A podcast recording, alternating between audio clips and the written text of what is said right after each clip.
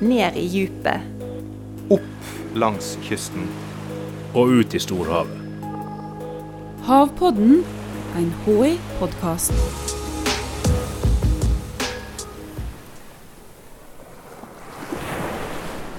Han var rundt seks meter lang og veide omtrent to tonn.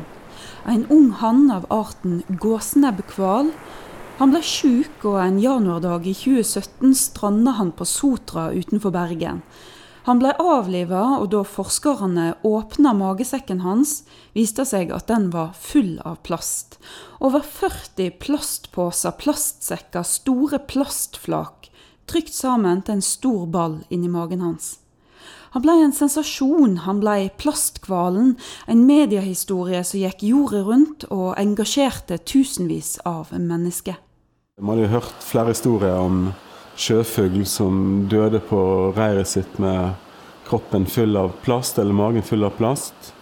Og havskilpadde som uh, hadde døde av plast, og, og tannhvaler som døde av plast rundt omkring andre plasser i verden. Så det var ikke noe overraskende at det også kunne skje her på, rett utenfor Bergen, egentlig. Mm.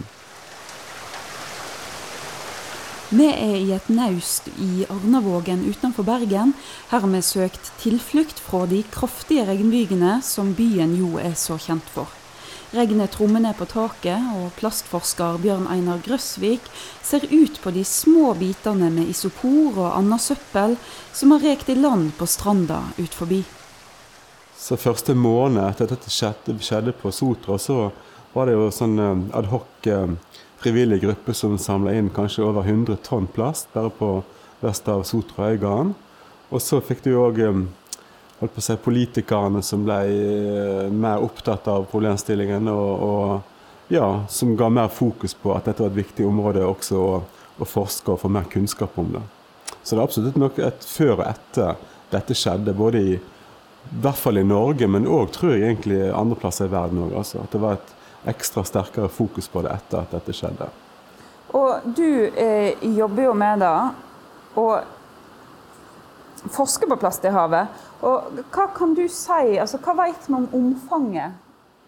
Jo, vi vet at um, plast er da et uh, materiale som en starta med produksjon med like etter andre verdenskrig. slik at det, det har vært en gradvis um, økende produksjon i verden. og en gradvis økende del av plast som uh, kommer på avveie, og som havner i, i, i, i miljøet og til slutt i havet. Så, og, da, og fordi at um, verden forbruker mer plast gradvis hele, hele tida, og vi blir flere folk hele tida, og, og, vi har et høyere generelt forbruk, så, så er det kurvene med forbruk av plast og plast som kommer til avveie og som havner i havet, de går nesten rett til værs og gjør at problemet er økende og vil fortsette å være økende hvis ikke vi klarer å gjøre noe mer drastisk med det. Da. Men hva vet vi om eh, Du sier altså det blir jo mer og mer plast i havet. Hva vet vi om konsekvensene av at det blir eh, stadig mer plast? Ja, Vi vet jo da f.eks. med den eh, plasthvalen, eller hvalen som døde av eh, for masse plast i magen, og, og fugler og andre dyr, at vet at, eh, at plast eh, er skadelig, og at mange dyr kan dø av å enten sette seg fast i plast, og, eller gå inn i spøkelsestegn og bli fanga der. Eller i garn som står og fisker videre. Eller at de tar feil av mat og plast, fordi at mat plasten ser ut som mat, eller kanskje han lukter som mat. Og så får det i seg, og, og, og til slutt så blir det et problem, for de blir ikke kvitt det. Og, og de kan dø av det. Eh, så vi vet at den større plasten er et problem for mange dyr i dag. Men når det gjelder den, den mindre plasten, som da, som da, kanskje er i den størrelsen som vi kaller for mikroplast, så, så vet vi fremdeles for lite egentlig både om hva størrelse som forskjellige størrelsefraksjoner som finnes rundt omkring i miljøet, og hvor store mengder forskjellige dyr må ha for at de skal få problem av den plasten som, eh, som, som finnes rundt omkring. Da. Ja, for det er to uh, ulike typer, sånn veldig grovt sett. da. Plast og mikroplast. Hva er forskjellen på de to? Nei, det er jo størrelsene. Altså, for dette, det, med, det som er utfordringen med plast, er at den finnes i, i hele størrelsesspekteret. Altså fra de minste nanometerstørrelsen opp til mikrometer og til eh, over, mange over meteren. Så, så da har du da delt inn i det som er mindre enn 5 millimeter, som vi kaller for mikroplast, inkludert nanoplast, og det som er større, som da blir mesoplast og, og større plast. Så, så det, er, det, er, et stort uh, spekter av, uh, av, størrelser, men også av, uh, av former og, ja, og materialtyper. Mm. Men all denne plasten som havner på avveier ute i havet, hvordan driver den rundt? Og hvor ender den opp til slutt? Det er det jobben til Mats Husabråten å finne ut av. Jeg modellerer spredning av plast. Og det vil jo egentlig si at vi prøver å finne ut av hvordan eh, plasten blir spredd med havstrømmene. Og det Mats tydelig ser når han modellerer, er at plasten ikke bare er kortreist og lokal, den kan komme ganske langt vekk ifra. Det som sjokkerer meg mest, er jo hvor langt kan denne plasten drive? Hvis den bare får lov til å Hvis den ikke synker, hvis den ikke blir delt opp i mindre biter og bare løses opp, hvor langt kan eh, plasten drive? Det er jo det som er Det syns jeg er veldig morsomt å se. Så våre modeller de dekker jo bare Nord-Atlanteren og Polhavet, men hvis vi hadde hatt en enda større en global modell, så hadde vi jo f.eks. sett at eh, plasten hadde jo på en måte blitt med havstrømmene kanskje enda lenger, kanskje kommet uh, Blitt med i Golfstrømmen. Det er helt uendelig sånn spredningspotensial, da. Og det er jo det som er litt sånn bekymringsverdig også.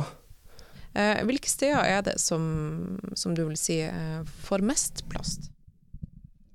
Um, vi ser jo det at uh, for eksempel så er det mye plast som driver forbi um, svenskekysten, altså utafor Göteborg og langs med Skagerrakkysten på svenskesida. Det er jo det stedet i verden hvor omtrent man observerer mest flytende plast som havner på strendene. Og der er det jo helt enorme mengder fiskeredskaper, eh, forbrukersøppel, altså alt mulig slags eh, plass som eh, akkumuleres på strendene der. Og det er jo Det kommer jo fra hele Nordsjøen, og alt den fiskeaktiviteten som skjer der, og alle de ja, 100 millionene som bor rundt Nordsjøen. Så og alt det blir konsentrert i en liten kyststrekning pga.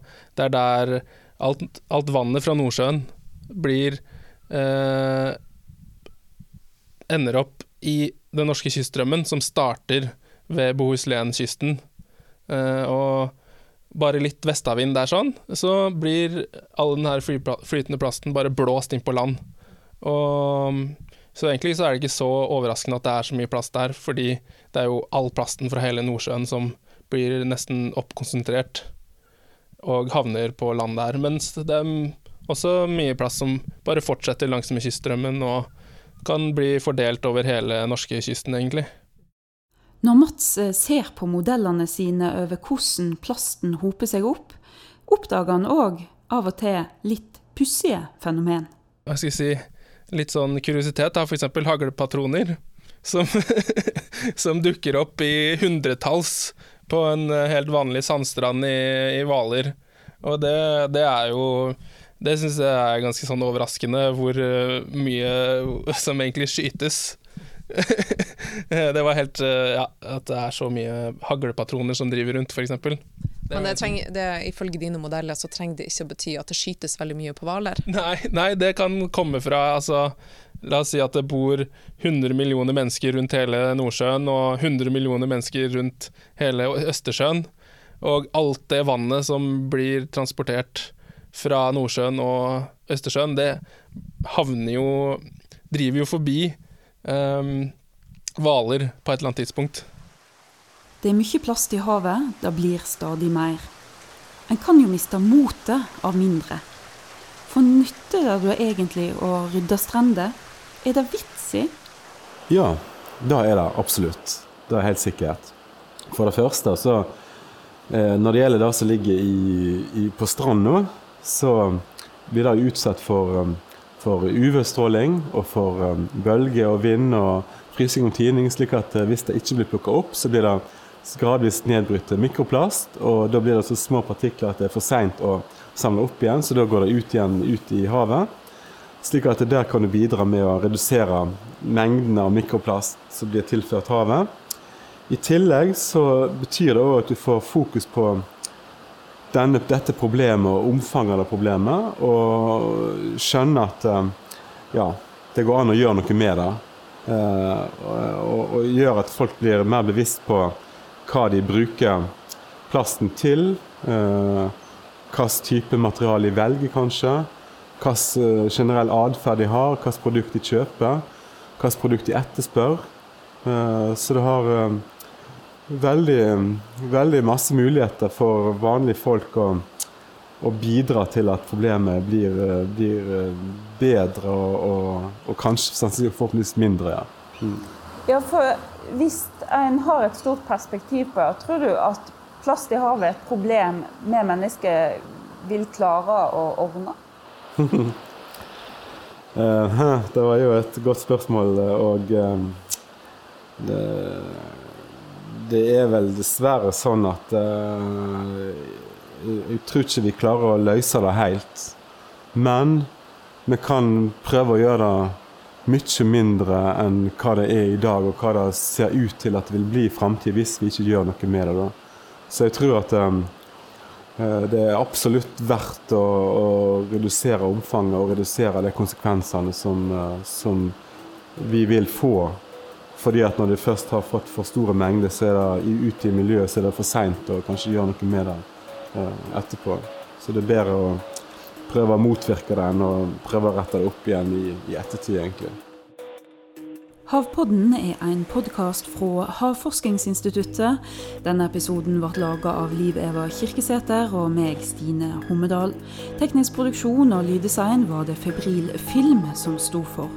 Og du, du hører snart igjen.